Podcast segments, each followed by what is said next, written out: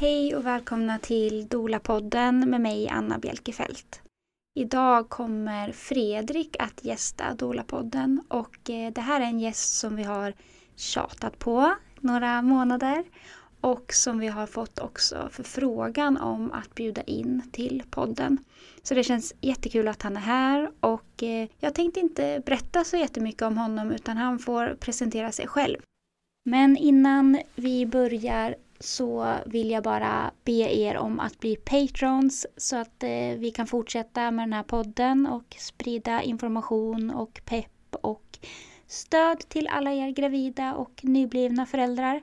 Gå in på patreon.com och bli stödmedlem till den här podden. Ni kan kommentera och eh, likea våra avsnitt enklast via vår eh, Instagram, Dolapodden. Nu allihopa så kommer den här efterlängtade gästen Fredrik.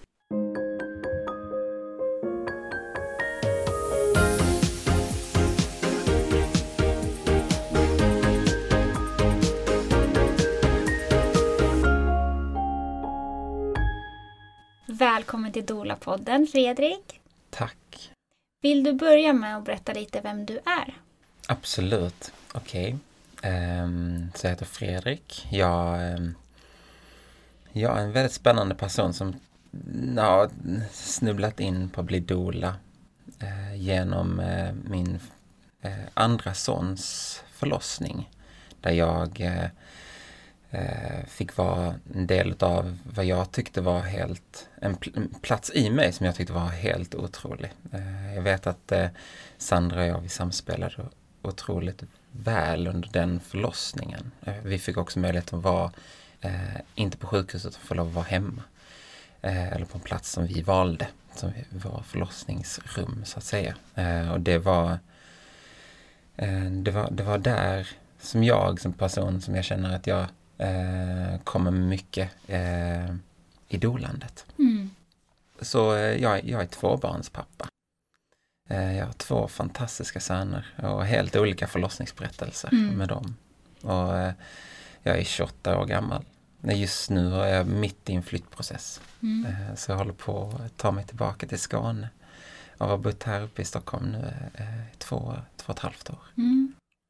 Vi har precis haft ett mentorsamtal, för du Fredrik gick ju vår dolutbildning här i höstas. Yes. Och vi har ju ett mentorsamtal som ingår i utbildningen så att vi har hunnit prata lite och sörja lite att Fredrik ska lämna Stockholm. Mm. eh, men vill du berätta lite vad du sysslar med? Just nu är jag som uppstart av att eh, våga ha, ha kommit ut och nå män som doula. Så jag eh, jobbar fortfarande kvar på mitt, eh, mitt gamla jobb som jag jobbat med nu eh, under de här två och ett halvt åren. Och vad gör du där? Då jobbar jag ute i grönområden, så jag är ute i Värmdö kommun. Så jag jobbar för, för kommunen som eh, naturvårdare under, eh, under vissa områden i Värmdö. Mm. Som är som mina områden, då tar jag hand om allt som har med det att göra. Mm. Och sen är du massör, minns jag rätt? Mm. Ja. ja, jag är massör. Det jobbar jag som lite vid sidan av. Ja. Så jag är svensk klassisk massör. Mm. Mm. Tänker också kan ha nytta av ditt dolande. Ja. Säkert. Ja, ja men Verkligen, mm. verkligen. För att det finns ju mycket i beröringen som, mm. som verkligen har med, med förlossningen att göra och mm. dolandet att göra. Och där, där, det är jättefint. Det var ju mm. också en, en verkligen stor del av vår andra förlossning med Adam. För vår barnmorska var så här, ja men kolla på de här punkterna Fredrik, du som är massör. Mm. Vad betyder det här för dig? Och jag som har studerat eh, kroppen och anatomi var så här, oh ja men, men titta den här punkten känner jag till och den här mm. punkten känner jag till. Och, Ja men Fredrik, om det känns naturligt för dig och Sandra svara på det, om hennes kropp svarar på ja, du vet hur det ser ut, så ta de här punkterna. Mm. Så under eh, ja, säkert en halvtimme så satt jag och höll på liksom det här vid det tredje ögat ja. eller vad man ska kalla mellan det, liksom, mellan ögonbrynen och höll ganska intensivt i, mm. i, i, hennes huvud. Liksom. För att eh, det fick henne helt och bara, åh, ja. jag slappnade av och helt kom in. Så att att jag är massör och att jag har den grunden någonstans mm. sedan flera år tillbaka. Det, det ger jättemycket. Ja, för jag tänker att det är inte bara liksom att här, man kan massera utan det är att läsa folks kroppar som är en så stor del av dolans arbete också. Mm. Att se som hon sa, din barnmorska där, eller er barnmorska, att man kan känna att kroppen svarar på olika saker. Mm, verkligen, verkligen. Vi har fått in massor av frågor till dig så vi ska försöka hinna med dem och våra egna.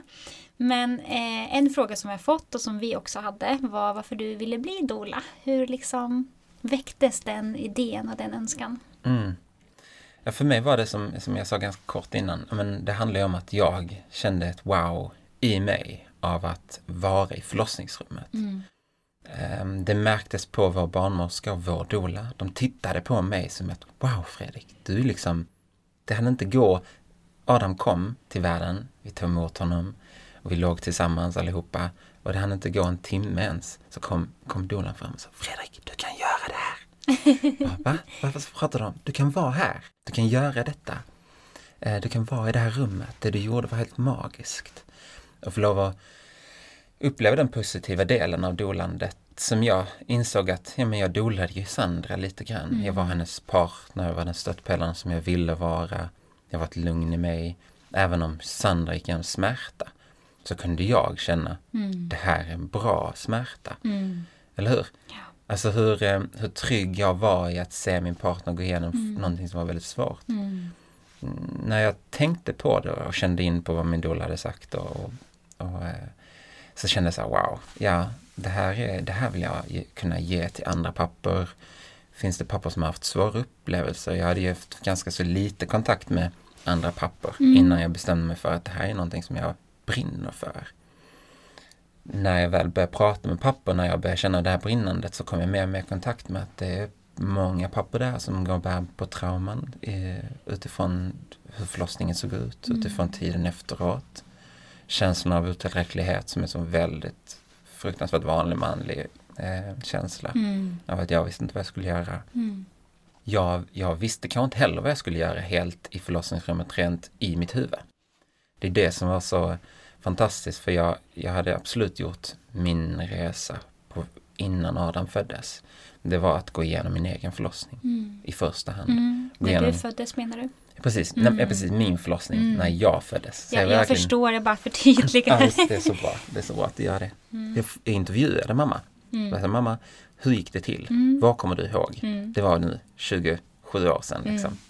Ehm, och gick igenom det med henne och det var så, så bra. Mm. Jag tänker alla de här små stegen som jag gjorde Mm. och, och sen eh, tillåta mig själv vara ledsen ibland för att jag var, skulle bli pappa igen och jag kände mig inte redo till att bli och vara tvåbarnspappa. Jag hade inte det jag ville ha etablerat innan jag tog emot Nej. en så stor familj. Men att våga känna de känslorna. Mm. Det är allt det har ju lett mig fram till att förstå att mycket av det vi män gör, mycket av det jag ville göra var ju att fly ifrån de här delarna.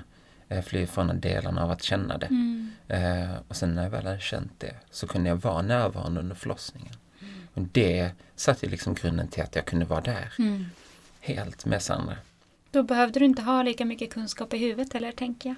Nej precis. Nej precis. Du hade ju också bearbetat saker och hade saker i kroppen. Ja. Mm.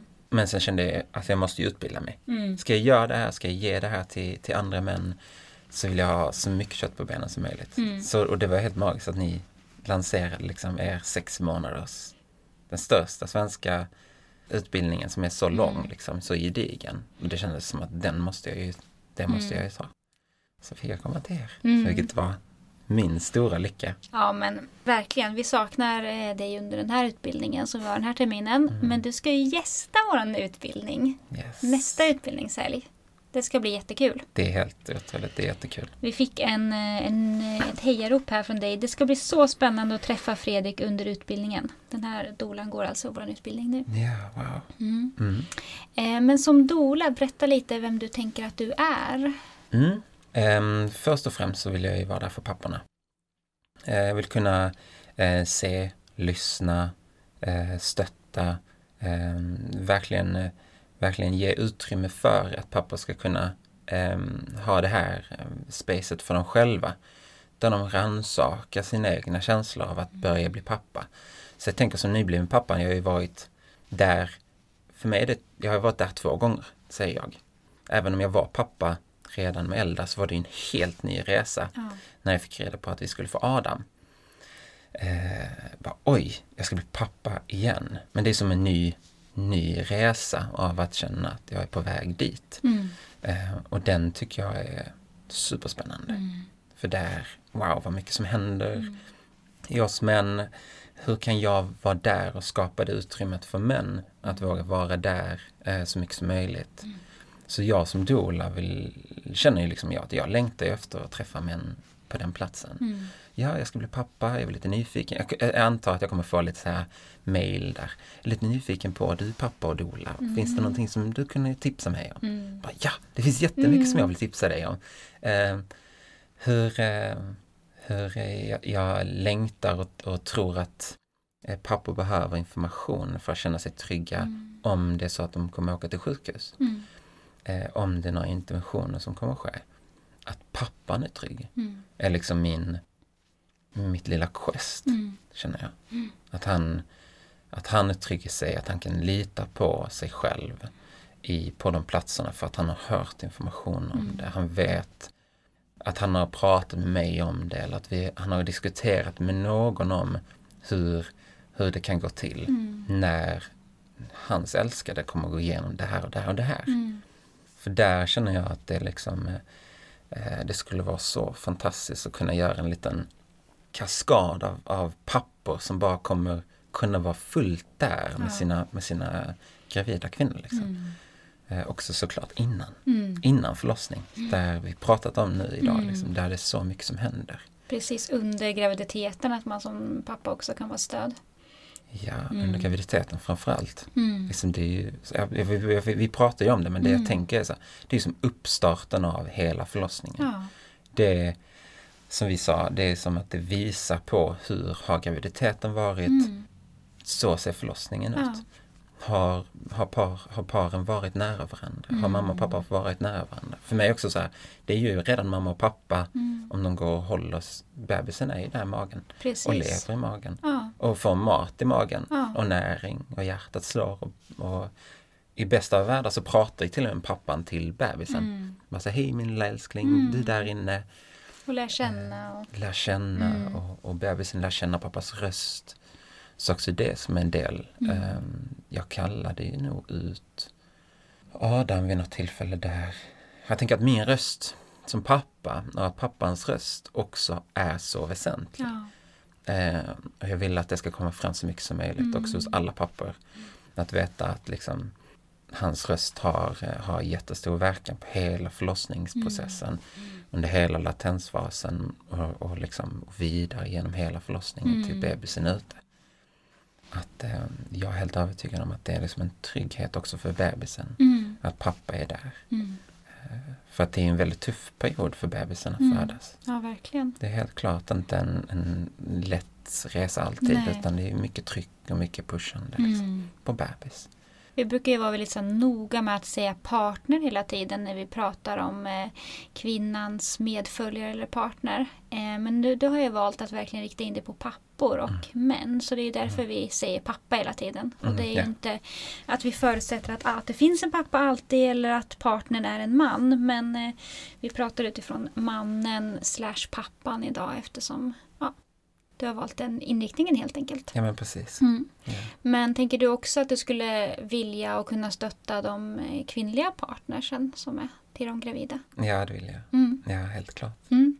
Och det gör mig jätteglad. Jag tror jag redan har skrivit försökte skriva om det i min, på min hemsida och den här hemsidan kommer liksom formas och omformas några gånger innan jag känner att jag helt ja, men är nöjd såklart. Men eh, jag skrev en ganska lång text till mamma, till en mamma som då kanske inte har en partner som kan vara närvarande. Det kan ju vara allt möjligt nu i en så speciell period. Mm. Eh, covid kan slå in och så får inte pappan steppa upp. Hur kan det finnas eh, andra närvarande? Jag minns ett av dina doula-avsnitt tidigare eh, så prat, pratades väldigt mycket om trygghet. Och hur kan vi då skapa den tryggheten Mm. eh, på alla, allra bästa sätt? Mm. Och jag vet att om jag är trygg i förlossningsrummet själv och en, en eh, blivande mamma ska, ska liksom föda och känna att hon vill ha en man Mm. i rummet som, som har den tryggheten Mm. så kan det räcka med den närvaron. Mm. Om hon känner sig trygg att det finns en man Mm. som jag litar på i det här rummet. Mm. Om det är en trygghet, Mm. vilken fantastisk möjlighet. Mm. Verkligen. Nu, vi pratade lite om det på mentorsamtalet också, hur du tänker till exempel kring eh, hur du kan jobba liksom förberedande inför förlossningen men också vara ett stöd under. Är det någonting som du har tänkt att så här, det ena eller andra känns mer lockande för dig att jobba med? Liksom dola stödet under födseln eller förberedelsen? Jag tycker båda, båda har verkligen sina charmer. Jag, jag, tror att när jag skriver själv för mig själv, när jag pratar med mig själv om vad jag vill, vad jag vill prata om så att säga, då är det väldigt mycket innan. Mm. Då är det förberedelser för papper, också med möten med mamman, med mm. förberedelser för papper som, som någonstans ger en grund till att han kan hålla sin lilla familj genom hela den här processen. Mm. Eh, sen tänker jag att det är klart utifrån hur förlossningen sen gick och hur allting ut. När man säger, vad är det för känslor nu som mm. han bär? Eh, vad, vad, behöver han stöd med nu? Att man kan tänka att de behöver samtalsstöd och så efter födseln, tänker du? Verkligen, ja, ja verkligen. Mm. Ja, det är så mycket nytt som man inte kan föreställa sig som, mm. som om man då väntar sitt första barn hur blir relationen med min partner nu? Liksom? Mm. Den kan ju vara helt förändrad några gånger om och den, under den här första tiden så kan det ju gå väldigt eh, i vågor. Mm. Eller så jag upplevt det. Att, eh, att eh, Sandra, min partner, då, att hon, hon har gått in i en våg av att vara eh, nära mig samtidigt som vi är nära bebis. Att mm. vi liksom är en familjebubbla. Och sen så har hon gått, nu behöver jag bara mitt space mm. och nu behöver jag bara det här. Mm. Och för en pappa är det väldigt svårt att mm. Alltså svårt att se in. Var, varför sker det här? Vill hon lämna mig? Alltså det är massa sådana dumma, mm. konstiga. Uh, och det är en våg av, av vad jag upplever liksom en feminin sida. Mm. Det ändras. Mm. Och det kan vara jätteskönt för en pappa, en nybliven pappa, att liksom höra det där är helt naturligt. Mm. Det är inget konstigt. Jag förstår att du är rädd eller jag förstår att du vill ha svar på dina frågor. Liksom. Men, men eh, låt, låt den här perioden få vara eh, eh i vågor. Mm. Att, att eh, också förstå det som pappa. Mm. Att det är naturligt. Eller naturligt, det är så dumt att ja, säga. Men, men vanligt verkligen. Det, det får lov att vara ah. det. det får lov att vara det. Hon får lov att känna allt hon mm. känner. Det är ganska många partners eller män som upplever att liksom de inte får den här närheten från kvinnan efter födseln som man kanske har haft den här nära relationen och varit mycket fysiska. det är verkligen en sån sak som att få förståelse för att ja, men nu, hon ammar ju hela tiden. Hon har ju någon som sitter klistrad vid henne jämt. Det, liksom, om man bara liksom tittar lite på det, bara just det. Men hon behöver ju vara själv kanske ja. lite då och då också. Ja. Och inte ha någon som rör henne. Att få ha sin egen kropp i fred lite. Ja. Jag tycker att det är så spännande för att mm. jag eh, har gått igenom lite olika perioder i mitt, hur jag växer upp som man. Mm. Eh, mognar skulle jag vilja säga. Och det ordet tycker jag att vi, mm, jag skulle vilja använda det ännu mer. Mm. För jag tycker män, eh, jag skulle vilja se män mogna mer. Alltså att kunna förstå eh, att sina små inre rädslor av att oj, hon vill inte vara nära mig, betyder det bla bla bla bla. Precis. Att det är någonstans lite omoget. Mm. Förstår mig rätt, men att det är liksom förstå det stora hela. Eh, ta några steg bakåt, mm. våga se eh, våga se hennes perspektiv på vad hon har gått igenom fysiskt. Eh, vad det, vad det har gjort för förändring i hennes mm, liv. Och känslomässigt. Känslomässigt. Mm. Och eh, där är vi som män inte lika involverade. Vi har inte gått igenom den här fysiska förändringen. Eh, vi kanske fortfarande har vårt behov av närhet som vi får ta hand om mm. själv eller mm. får ta hand om med vår partner på ett nytt sätt. Mm. Och där måste det ske någon form av mognad i mannen så att det mm. kan liksom Ja, det tänker jag att det kommer det göra mm. om man vill det. Eh, om man vill se det eller om man vill fråga de frågorna till någon man. Mm. För börjar man bara den liksom vägen, tänker jag som man, börjar ställa frågor till sig själv, till andra män. Har, har ni också inte haft sex på fyra mm. månader nu? Att det blir ett samtal. Liksom. Att det blir samtal, mm. att det blir så här, jag vågar säga det högt. Mm. Eh, jag är inte bara bitter i min e- ensamhet. Liksom. Precis. För det är ganska vanligt också för män. Så det tror jag är, det tror jag är väldigt viktigt. Mm. Och, och det är mognad för männen att göra. Mm. Eh, så spännande att få lov att vara del av det, tänker ja. jag. Så, så otroligt spännande att få lov att se en man gå från att ja, men jag är lite bitter för varje gång jag kommer hem från jobbet som jag gör heltid så är jag trött men det står ingen mat på bordet. Nej. Jag säger, ja det kan du få lov att vara lite Mm. bitter för men omständigheterna är ju det de är. Mm. Vad, kan, eh, vad är din mognad i detta? Mm. Hur kan du ta ett steg till och känna att okej men jag äger lite mer av mitt liv. För det är ju oftast det det handlar om. Mm. Att känna att ja, men just det, det här är mitt liv. Just nu ser det ut så här. Så att det, också, det finns så mycket att prata om kring det här Mm. med, med mannens upplevelse av att vara, eh, vara i den här nya tiden. Mm. Som jag tänker också är jättespännande för mig. För det är många män som känner så här, var är jag Mm. som nybliven pappa? Är jag med i den här konstellationen överhuvudtaget? Eller ska jag bara producera mat på bordet, ett hushåll med fyra, helst fem väggar liksom, och så vidare. Ju större desto bättre. Och är jag tillräcklig då om jag inte, om jag inte känner mig nöjd med det? Mm. Varför känner jag mig inte nöjd med Mm. det? Vad är det jag behöver? Det här tror jag är någonting som väldigt få blivande föräldrar pratar om. Att så här, vad ska vi, hur tror vi att rollerna kommer se ut sen? Mm. Och hur kan vi liksom påverka dem? Och kan vi det? Och vad kan man finna sig i och vad är jätteviktigt för varje enskild? Och hur kan vi ha tiden tillsammans? Och Mm. hur man som man eller partner kan bli delaktig eh, även om mamman heltidsammar till exempel. Så att det inte blir den här känslan av att man bara är någon slags, man finns bara där för markskötseln. Nej, precis. Ja, verkligen. Det, det, det skulle vi kunna prata hur mycket som helst Ja, om. bara skulle- det, liksom. Ja, verkligen. Ja. Också för pappan. Mm. Jag vill säga det för att jag pratade med pappan för inte så länge sedan. Vi pratade om hans förlossningsberättelse. Två tvillingar. Ganska så eh, väldigt stark upplevelse. Han blir lämnad i rummet själv med sina tvillingar på varsin axel på en stol.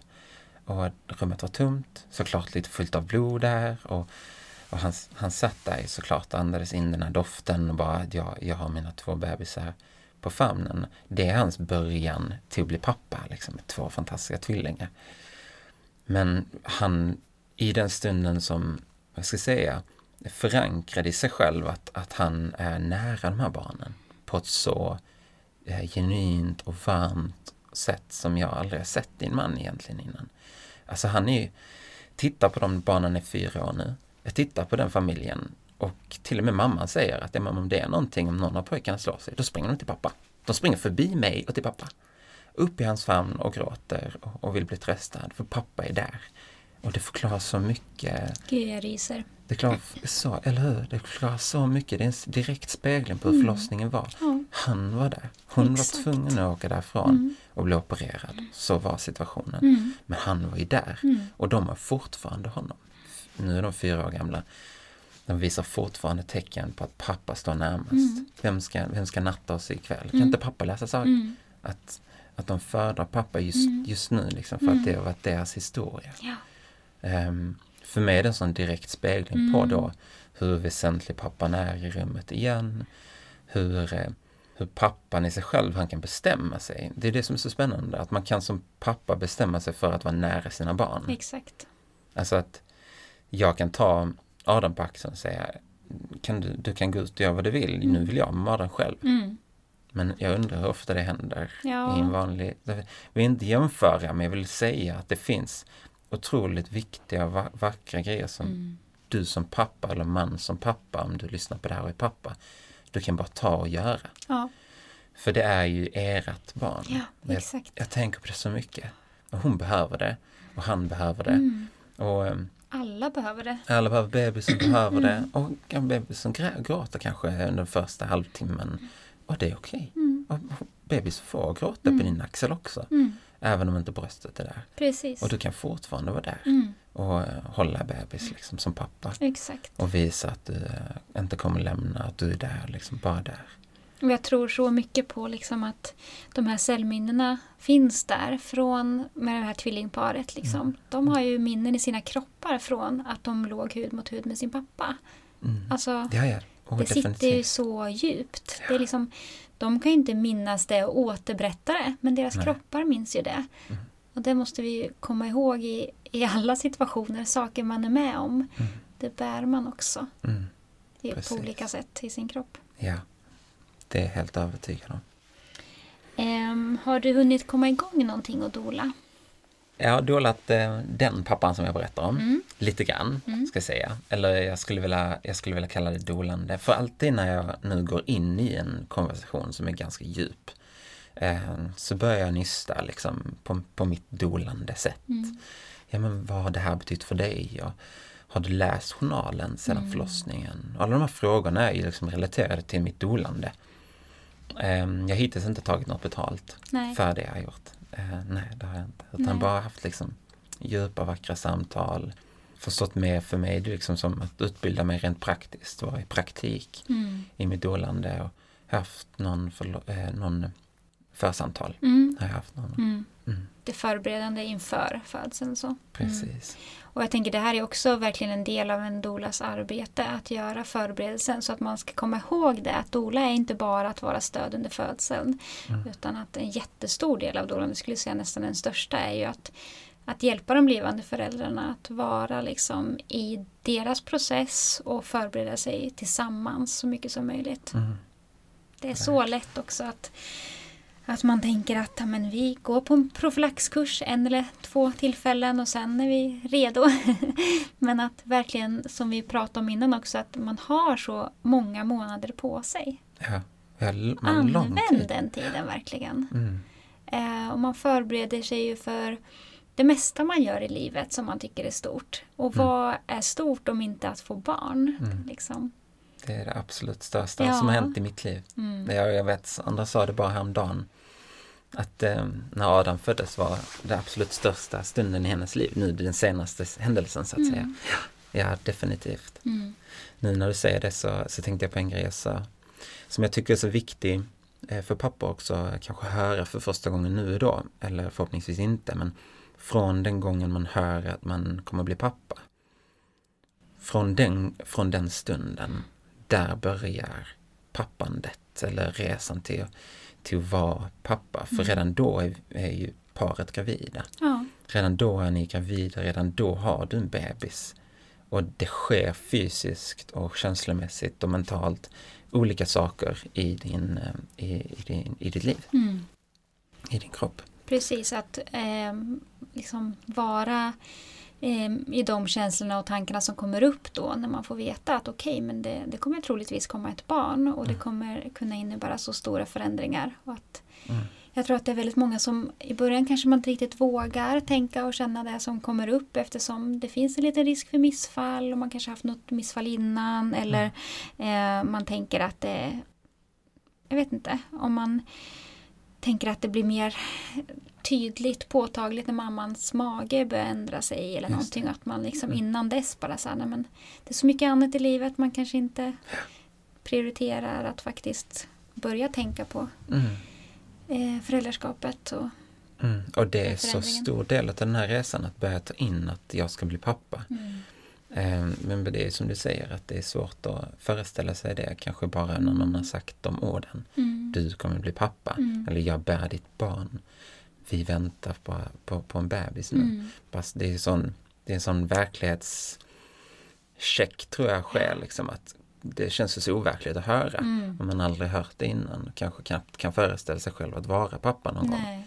Att då börja ta in det. Mm. Och det tänker jag bara mer och mer på. Mm. Att det handlar ju mest om det. Mm. Om att som pappa ta in att jag kommer bli pappa. Mm. Och igen, ta in att jag är pappa. Mm. För när bebis ligger där i sin lilla vagga eller, eller man puttar en vagn plötsligt liksom. Tror att tårarna kommer då. Mm. För det gör de. Eller I de mesta fallen tror jag de gör det. Mm. För att då eh, successivt så andas man in liksom. För man förstår Mm. i kroppen att jag är pappa nu. Mm. Och varje steg som är på det hållet tänker jag det är liksom det vackraste och finaste som den här pappan kan ge sig själv och sitt barn. Mm. Man kan ju faktiskt göra ett, ett aktivt val vad man vill ha för roll i sina barns liv och på vilket sätt man ska vara pappa. Mm. Jag tror att det är väldigt många som behöver eh, fundera över det och prata om det. Eh, hur tänker du att man kan göra om man liksom ehm, får veta att man ska få barn och liksom för att processa det här lite i början av graviditeten eller vad kan man liksom Mm. vad tror du att, att männen behöver? att, jag tror att män behöver vara en, en hel del själva liksom. Um, klart göra någonting som känns, eh, känns bra för dem, aldrig sätta sig själv i en svår situation. Men, men, men ensamhet, eh, jag var mycket ute i naturen.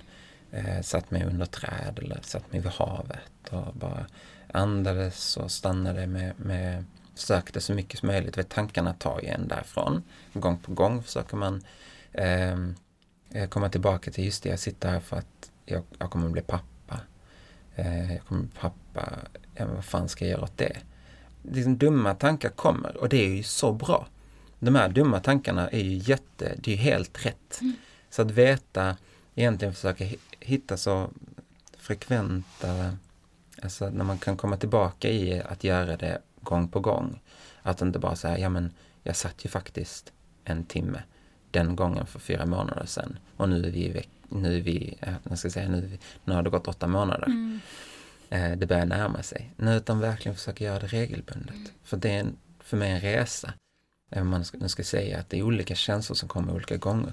Och, och ett tvivel kan komma och jag vet att jag, jag drömde ju under en hel månads tid. Jag skulle säga att jag drömde minst fem gånger per vecka. Eh, så väldigt ofta drömde jag att jag var gravid. Mm. Och Sandra var inte gravid. Men jag gick där med jättemage liksom och gungade. Och det för mig är en del av min förlossning, alltså en del av min resa till att bli pappa. Absolut. Att jag, jag, men jag kunde inte styra det. Nej. Men, men någon gång, jag tror kanske tio minuter varje dag, så satt jag med känslan av att jag kommer bli pappa. Ostört. Mm. Och det tror jag pappa behöver. Mm. Att vara ostörda för sig själv. Mm. Och bara tänka på, eller bara känna på att jag kommer bli pappa. Mm. Och våga, våga vara och tänka på allt som kommer. Oavsett vad som kommer. Och jag tänker jättemycket på att fundera över sin relation till sin egen pappa och mm. vad man har för liksom bilder och tankar och fördomar, vad man har med sig om vad en pappa är. Mm. Och liksom kanske våga titta lite kritiskt. Man kanske bara tänker att ja, jag är världens bästa pappa. Men att så här, man kan liksom tänka några fler varv kanske. Yeah. Okej, det var en jättebra pappa men fanns han där? Vad, vad hade jag behövt? Eh, kanske mer från honom än vad jag fick. Mm. Jag lyssnade på en annan podd, eh, reklam för en annan podd här nu som heter BVC-podden. Eh, där de pratade så himla bra om, de hade någon övning som kom från en bok som handlar om föräldraskap. Att man skulle, eh, den hette 20-årsövning eller någonting. Så att man skulle tänka om 20 år när jag fyller år så ska mitt barn hålla tal för mig. Vad skulle jag vilja att det barnet berättade om mig som förälder? Jättebra. Alltså jag tyckte det var så fint. Jättevackert. Att så här, eh, vill jag att den ska berätta att så här, ja, men hon lyssnade alltid på mig eller han lyssnade mm. alltid på mig när jag behövde prata och eh, jag fick aldrig någon dömande när jag berättade vad jag kände eller mm. eh, vi hittade alltid på roliga saker eller vad det nu kan vara. Mm. Att så här, vad vill man liksom förmedla med sitt föräldraskap och vad vill man ge till sina barn? Man kan verkligen ja. välja det aktivt och ju mer man ger till sina barn så mer får man ju tillbaks. Mm, så är det ju. Helt klart. Mm. Mm.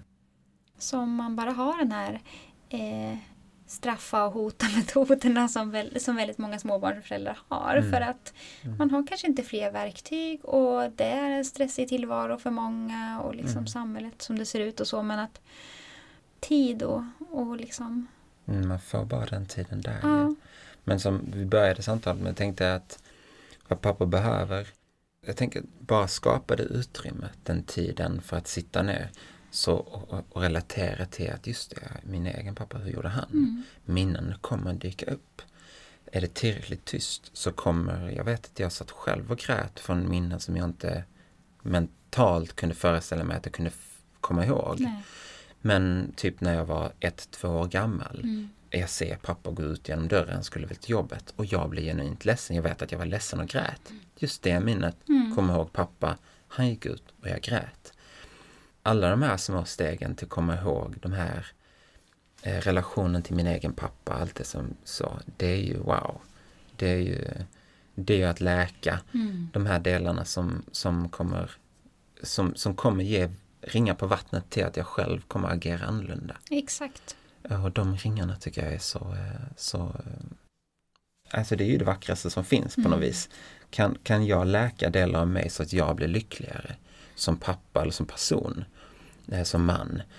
Eh, och det kan generera att jag agerar vackert mot mina barn, mm. mot min älskade men mot framförallt också, om vi då tittar bara på den relationen, barnet och pappan.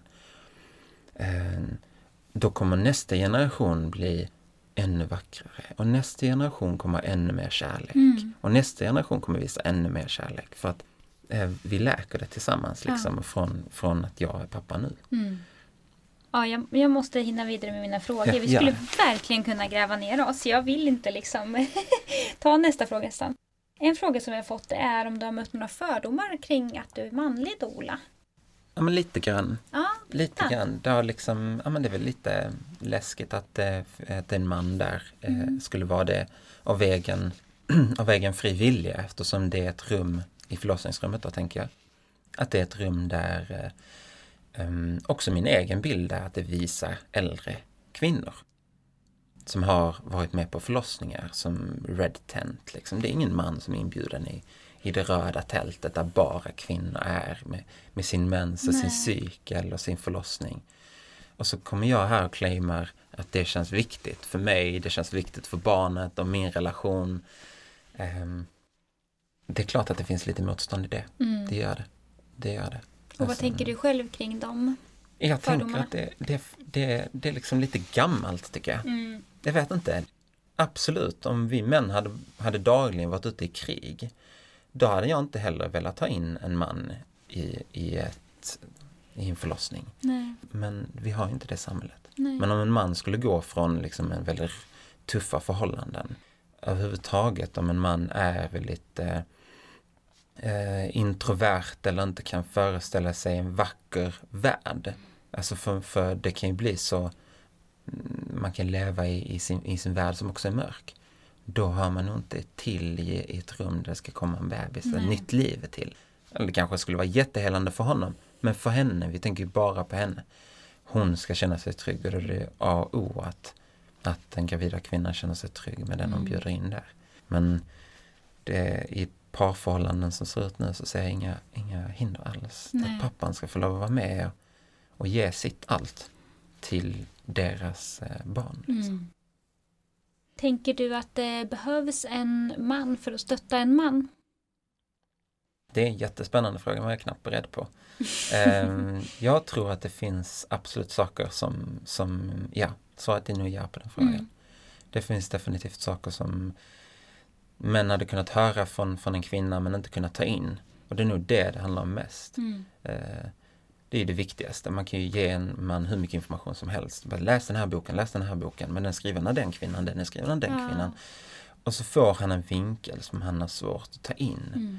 Eh, jag drömmer ju själv om att någonstans hitta tid att skriva ner ett material som, som innehåller all informationen som finns där ute. Eh, sen säger jag inte all, men, men förstå mm. mig, den viktiga information mm. som finns där ute som är riktad till kvinnor. Men göra om det till ett språk som kommer från en man. Mm. Som blir, kan du ta in det här lättare? Mm. För det är ju det enda väsentliga. Mm. Verkligen. Om en kvinna skulle vilja ha med dig som stöd under födseln men hon har mm. också en partner. Mm. Liksom tror att du skulle kunna Alltså Spontant tänker jag att det skulle kunna vara utmanande. Mm. Vad tänker du? Liksom få ehm. med mannen på, på tåget, att hon vill också ha med ytterligare en man. Ja, precis. Nej, men det, det, det är lite utmanande. Mm. Det behöver kännas tryggt för honom att jag är där. Ja. Annars är det inte tryggt. Så igen handlar det om att är jag en, är jag en faktor av tillit i deras, eh, eh, hur de ser sin, sin förlossning. Mm. Eh, kan de föreställa mig att jag är där och de fortfarande känner sig trygga. Mm. Eh, det kanske räcker med att jag är i rummet bredvid. Och där känner jag så här, jag tror jag är mest verkan där. Jag tror jag är mest verkan av att veta att för honom, om han känner sig trygg med att ha en annan man som vet hur det är att vara man i den här situationen. Att veta att jag är i rummet bredvid. Mm. Kanske utsöndra tillräckligt mycket trygghet i honom för att kunna ta olika beslut som mm. han känner att han som pappa kanske är rädd att ta själv. Mm. Och där tror jag Ja, ja, där tror jag att det kan vara väldigt vackert att vara. Mm. Jag tänker att alla är verkligen eh, olika och jag tänker att man har en tanke att eh, ja, men så här kommer jag reagera i förlossningsrummet men sen är det Mm. inte alls säkert att man gör det. Jag tror att väldigt många i alla fall skulle behöva liksom kanske vara lite mer ödmjuka inför att ta emot stöd. Och det gäller Mm. ju både kvinnor och män för det är fortfarande de flesta föder ju ändå utan dola. Mm. Men att många som har fött barn ändå förstår att oj vad skönt det hade varit med fler Mm. stödpersoner. Ja. För personalen var inte där så mycket och min partner visste inte exakt vad den skulle göra och så Mm. vidare. Och där tänker jag att det kan vara jätteskönt också för partnern att känna så här den här personen har varit med om det här innan och haft den här rollen av att stå bredvid. Ja. Eh, inte bara så här, jag har erfarenhet av att jag själv har fött barn till exempel utan att den här andra mannen har varit stöd vid hans kvinnas födslar. Mm. Ja, för att där som man kanske man behöver ställa frågor. Och det kanske känns jätteskönt Mm. att ha en annan man Mm. som man kan ställa det som man kanske känner är dumma frågor. Ja men exakt. Förstår du? Liksom, Mm. att, eh, och jag, jag minns det själv när vi kom till, med min första son, när vi väntade honom, då kom vi till, till, till det rummet som vi skulle ha, förlossningsrummet, och sen så var det tomt. Mm. Så jag var så här, det, det är tomt här. Mm. Det är ju skönt. Ja, det är skönt att vi är själva, det är skönt. Mm. Men efter en tid var det fortfarande tomt. Mm. Och det, det är också svårt, jättesvårt att Mm. föreställa sig. Som man, svårt att föreställa sig för att man vet inte vad man förväntar sig Nej. riktigt heller. Fast jag trodde nästan det skulle vara i alla fall en eller två personer här Mm. inne. Men de är ju klart upptagna med andra förlossningar. Mm, det är jättevanligt att många tänker så här, men det ska vara folk här. Så är de Precis. så stor del av förlossningen är de själva Ja, med sin kvinna. Ja. Och det är ju, jag har ju dolat några ensamstående kvinnor eller självstående och det är ju väldigt mycket mer utmanande att vara ensam med den som föder. mm, För man själv existerar nästan inte. Eh, och då tänker jag som att man också ska bli förälder. För mig som dola är det lite enklare för att jag har erfarenheten av att dola. Liksom, och vara ett bra stöd. Eh, men jag är heller inte känslomässigt påverkad på samma sätt som om man är liksom, blivande förälder. Mm. Så jag kan inte ens föreställa mig hur mycket tuffare det måste vara att vara liksom helt själv partner till en Mm. som föder. man är helt uppslukad. Ja. Mm, tid fin- finns inte. Och så tänker jag liksom att vissa känner att de blir helt totalt uppslukade och vissa känner kanske att de bara står utanför och är helt handlingsförlamade. Just att, det. det liksom, att man hamnar i någon slags freeze mode och inte... Mm. Eh, och sen tänker jag också att det är ett, ett kvinnodominerat yrke. Både liksom, eh, alltså barnmorskor och doler och undersköterskor. Det är mest kvinnor. Mm. Så då kan man ju känna sig väldigt liksom Väldigt undernumrerad på något sätt. Verkligen. Och det ska man också veta att det är liksom bara för Sverige tittar ju på nu. För i andra länder som England där, ju, där finns över hundratusen manliga barnmorskor. Mm. Så i den kulturen är det annorlunda. Och i vår kultur som i Sverige så är vi väldigt, väldigt få manliga barnmorskor. Mm. Känslan går mer och mer tillbaka till att vi har inte hemma här. Nej. Vi har hemma som doktorer och då har vi Mm. För högsta liksom, ordet. Vi har det sista ordet, det är det som gäller. Eh, Det är inte heller riktigt sant. ju. Nej, och nu är det ju... eh, Alltså jag har träffat en manlig barnmorska under de här födelserna som jag har dolat på. En. Och eh, jag skulle säga att det är nästan bara kvinnliga läkare också. Ja, det är det. Ja, Mm. verkligen. Eh, mest det, jag skulle säga 90 procent nästan som jag Ja. har träffat som har Ja. varit kvinnliga. Jag förstår.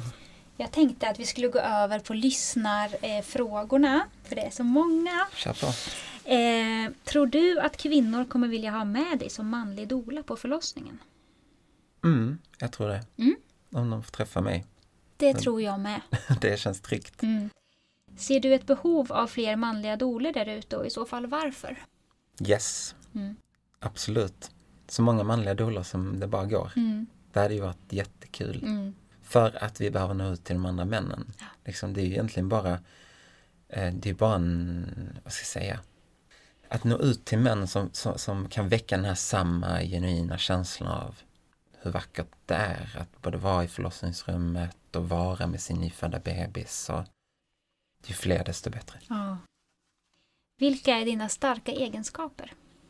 Det var en fråga. Ehm, jag vet inte, jag, jag föreställer mig själv att jag är ärlig. Ja. Det gör jag. Att jag, jag säger vad jag tycker. Mm. Ehm, eh, jag vill gärna vara närvarande när jag är med personer. Framförallt när det är en sån eh, djup och viktig del som har med, med graviditet, födande, förlossning Mm. att göra liksom, och tiden efter. Att jag, att det är så här väldigt viktigt för mig att de känner att jag inte sitter på min telefon eller sitter och Nej. tänker på andra saker. Det är fullt här. Mm. Också bli inbjuden i förlossning. Att jag kommer vara fullt där. Precis. Den närvaron är en del av det jag tror Mm. kommer vara det som känns tryggt. Och så är jag trygg i min egen roll. Jag Mm. ingen, det är en väldigt speciell roll att bjuda in sig själv i också. Att ja, men det kommer, du kommer se saker som kanske inte kommer vara jättevackert och det kommer lukta i det här Mm. rummet ibland. Men jag är trygg i mig. Mm. Så att det, eh, skulle vilja säga tre saker jag inte vill säga mer. Hur känner du att du blir bemött av privatpersoner, vårdpersonal, kvinnliga dolor när du berättar att du är dola? Det har vi nämnt lite. Mm, ja men det, Ja. det är lite så, lite frågetecken. Ja. Mm, hela tiden lite Mm. frågetecken. Har du dola? Men vad betyder det? ja. Och att du är dola, speciellt Mm. vad betyder det? Mm. Eh, lite så här det, jag tror att det tickar någon varningssignal, den Mm. första reaktionen. Vad vill du där att göra? Mm. Ja, det, Mm. Eh, tror du att vårdpersonal kommer att ha svårare att acceptera dig i förlossningsrummet? Än en kvinnlig doula då gissar jag att hon menar. mm. Läs frågan igen, jag vet inte riktigt vad jag ska svara. Tror du att vårdpersonal kommer att ha svårare att acceptera dig, alltså som manlig doula? Så kan det vara. Ja. Det är svårt och jag har inte varit i det. Jag nu, just nu har jag inte den erfarenheten att vara dola i, i, på sjukhus. Nej. Då är det väldigt svårt att, att se min... Jo, men jag tror att det kommer vara ett stort så här, oj, jaha, det här står en man. Mm. För det gör det ju. Mm. Där kommer jag vara. Tror du att de kommer misstro dig för att vara en, en tredje förälder? Eller misstro, men Ja, eh, ta dig för en tredje förälder. Ja, så kan det vara. Mm. Ja, så kan det vara. Vi är alla föräldrar. Ja, exakt. Kan få säga, får jag säga en sån flummig sak? Men vi är här liksom, vi ska Exakt. leverera ett barn. Ja, Eh, precis. Det kommer vara allas barn, det kommer vara Mm. deras barn, men vi kommer vilja göra det bästa som vi vi kan. Mm. Liksom.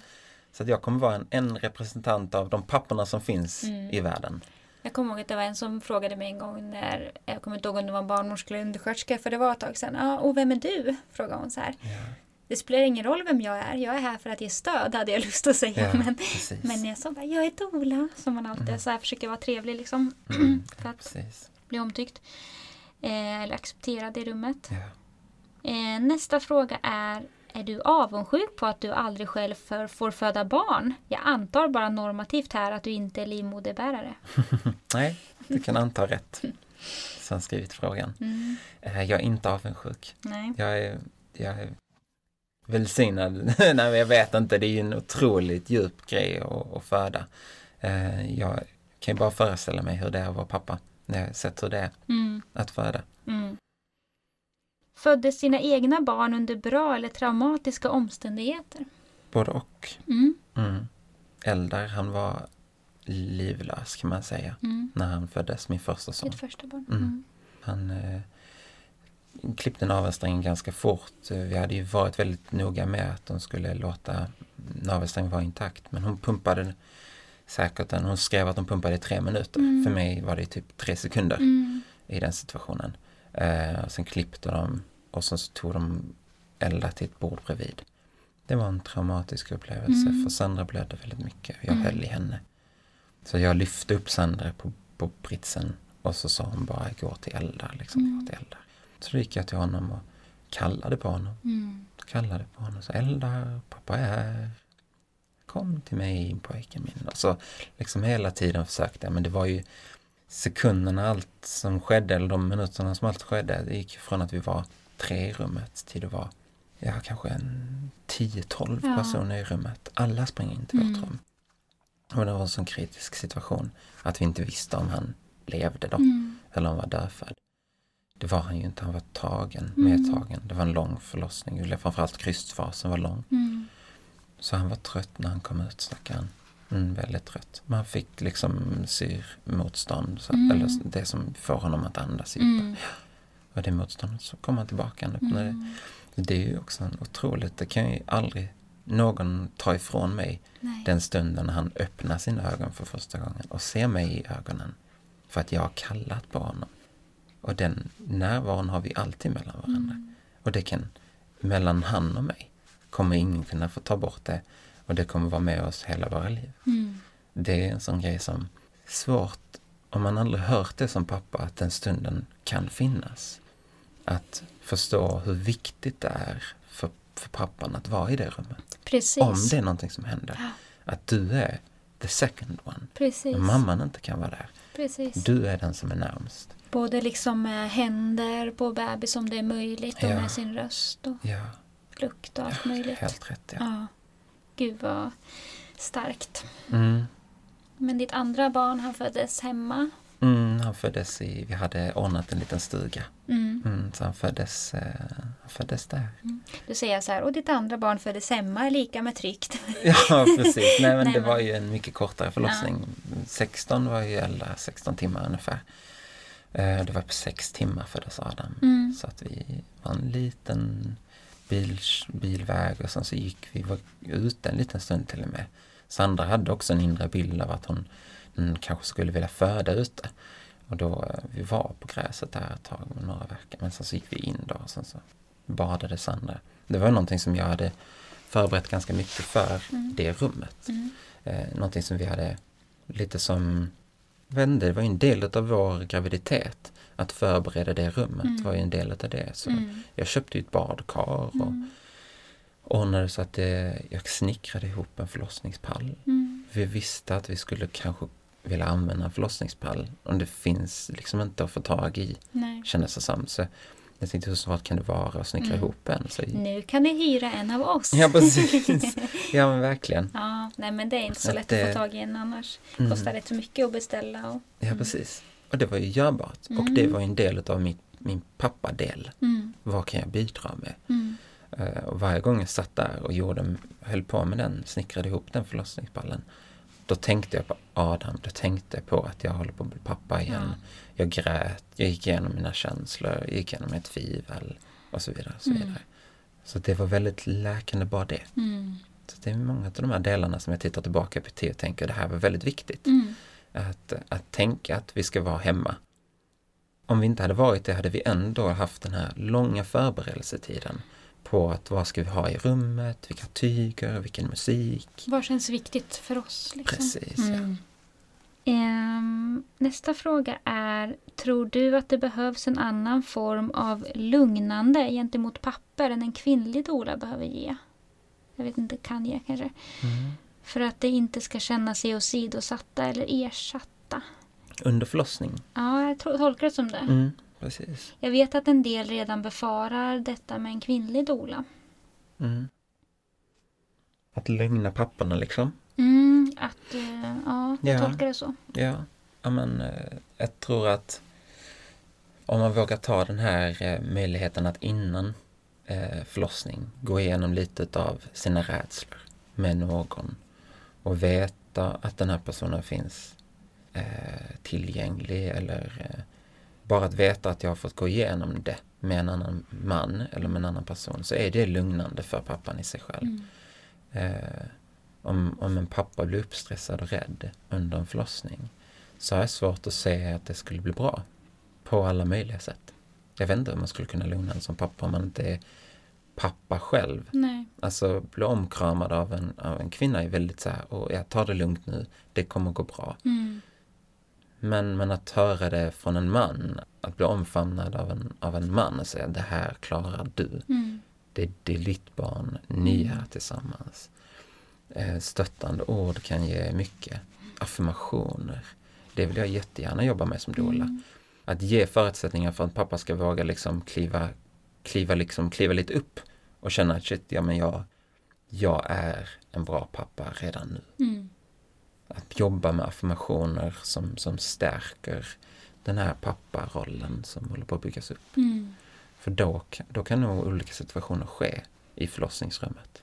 Eller där förlossningen sker. Mm.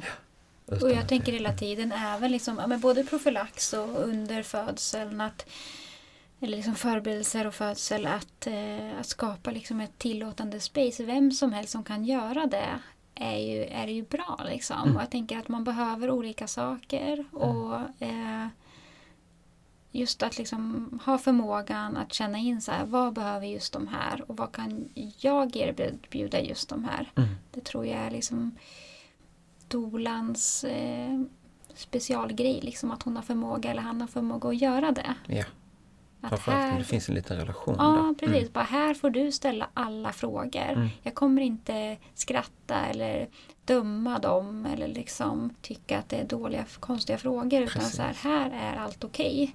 Och då kanske man också som man eller partner börjar så här, våga tänka de här sakerna som annars bara har legat där. Så man ska bara, men jag ska ju bara...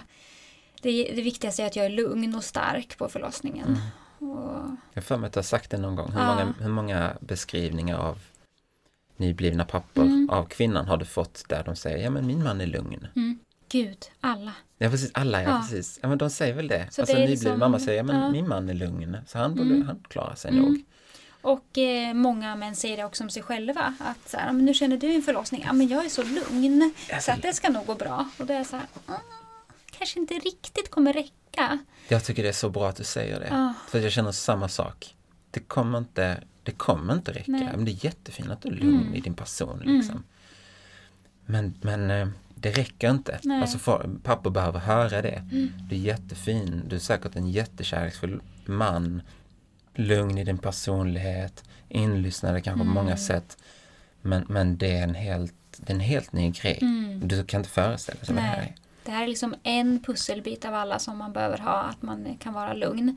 Vi pratar ju om det också att eh, det är ofta en instinkt som sätter in att man eh, blir beskyddande när kvinnan ska föda och då är man ju oftast inte så lugn. Nej. Utan kanske lite mer adrenalinig på något sätt. Just det. Mm. Mm, det är också en känsla som kan vara bra Mm. att veta av. Nästa fråga är Pinsam fråga det här, men vad tycker din partner, kvinna inom parentes, om att du ska bistå andra kvinnor? Är hon avis? Nej, det är hon inte. Nej, Det, nej, det, jag tycker inte det är en pinsam fråga. Nej. Jag tycker det är fint. Hon är hon har bara skrivit det superstöttande. själv här innan. Mm. Mm, det är en jättegullig fråga. Jag, hon, jag får jättemycket stöd av Sandra. Mm. Mm. Hon är så stolt. Mm, Så här. Vad Ja, härligt! du får kliva fram Fredrik, vad bra, äntligen. Precis som det ska vara. Eh, hur känns det att vägleda, guida någon i någonting som man själv inte har upplevt rent kroppsligt? I mitt huvud skulle det vara som att vara PT, men bara sett på när andra tränar. Mm. Jag vet i och för sig inte om Fredrik är född Fredrik. Han kanske har fött barn. Alltså vi har så många medvetna lyssnare. Tack till er. Jag är född pojke. Mm. Liten bebispojke. Ehm, och eh, Jag Och- tänker att... Nej, jag ska inte svara. ja, nej, men du får, du får jättegärna fylla i. Ja, men säg. Ja, Frågan var till dig. Ja, ja men absolut tycker jag att ehm, det är inte konstigt för mig att vara där. Det är inte konstigt för mig att känna att jag skulle vara där för, i förlossningsrummet med andra. Jag tror att det är för att jag har den erfarenheten. Och så tittar jag då på en person som inte har, har fött barn eller inte varit med i förlossningsrummet. Eh, som såklart då, jag, jag håller med liksom, den har inte den kroppsliga uppfattningen av att vara med och titta på, men har varit född en gång. Det ger en erfarenhet. Eh, prata med sina föräldrar om den erfarenheten ger ytterligare en, ett, en aspekt av minnen. Och cellminnena finns kvar av sin egen förlossning oavsett hur den har gått till. Man får lov att läsa sin journal om det finns någon. Eh, läsa om förlossningsberättelser. Lyssna på förlossningsberättelser. Det skapar liksom ändå någon form av jag relaterar till andra människor och till andra berättelser. Och jag, det är en förberedande fas liksom. Så det är inga hinder. Jag känner inte att det är några hinder att guida en, en pappa som aldrig kommer uppleva att föda ändå. Det är inga hinder. Nej. Det Nej, finns ju men de här precis. förlossningsguruskvinnorna som inte har heller fött Oh, barn ja. själva. Mm. Vad är de tre stycken? Ja, men precis. Jag Ja. tänker framförallt på Cayenne Ekjord, eh, Gudrun Abascal. Mm. Är det någon mer? Ja, det är det säkert. Hon som öppnade be, eh, barn, be, BBn i Ystad. Ja, precis. Hon- Jag tror att hon inte hade fött barn gud. själv. Men alla vet vad vi menar om vi Ja, säger det. Så att jag precis. tänker, hon har Mm. inte fött barn. Nej. Hon öppnar en klinik Ja. och startar en kultur i den Mm. kliniken som är så inkännande till kvinnan. mm, Det var inga hinder till att skapa den kulturen som Nej. var den mest inkännande då. mm, Mest inkännande kliniken som tog emot födande kvinnor. precis. Hon som tog också vattenfödslar till Sverige. Ja, Mm. hur stort är det? Ja, att vara så liksom, öppen för att eh, vi känner in kvinnor här. Mm. Eller detta är vårt mål, vi följer den födande kvinnan på den här mm. resan tills barnet kommer. Mm. Så för mig är det samma sak. Det är liksom att ge en känsla av att din uppgift som pappa, det är att följa din kvinna mm. i den resan tills barnet kommer. Mm. Eh, vara så inkännande som du än någonsin skulle kunna vara. Mm. Och vad betyder det? Och inse också att hon känner smärta mm. utan att ta den smärtan på dig. Mm. Det är så många pappor som känner rädsla inför smärta. Mm. Min upplevelse när Adam föddes, det var att jag till och med kände sån här, någon form av eh, lugn när jag såg Sandra gå in i starka krystfasen. Mm. Att det var så här, åh, nu är det äntligen mm. här. Och det är ju ännu mer smärta. Men det är ändå någonstans ett gott tecken. Mm. Eller hur? Mm. Så att det var så här, eh, mm, jag tror att eh, vi kan förmedla det här till, till alla människor utan att det skulle vara några stora frågetecken. Ja. Även, om, även om personen inte, frågar inte har fött några barn. Nej, precis. Gud, jag blir så irriterad att jag inte kommer på den här eh, barnmorskans namn. Alla ni som lyssnar, ni kommer sitta och skrika det här namnet för ni vet vem vi menar. Ja. Um, nej men jag tänkte att det är inte alla psykologer som har varit med om traumatiska grejer. Yes. Alltså om man tänker relaterat till andra yrken. Mm. Um, och sen har ju du också, du har ju tänkt att du ska specialisera, liksom inrikta dig på männen. Mm. Eh, och stå bredvid har du ju gjort två gånger. Om man Ja. tänker stå bredvid, det var ju 100% där liksom. Men Mm. jag tänker att man absolut kan vara ett fantastiskt stöd.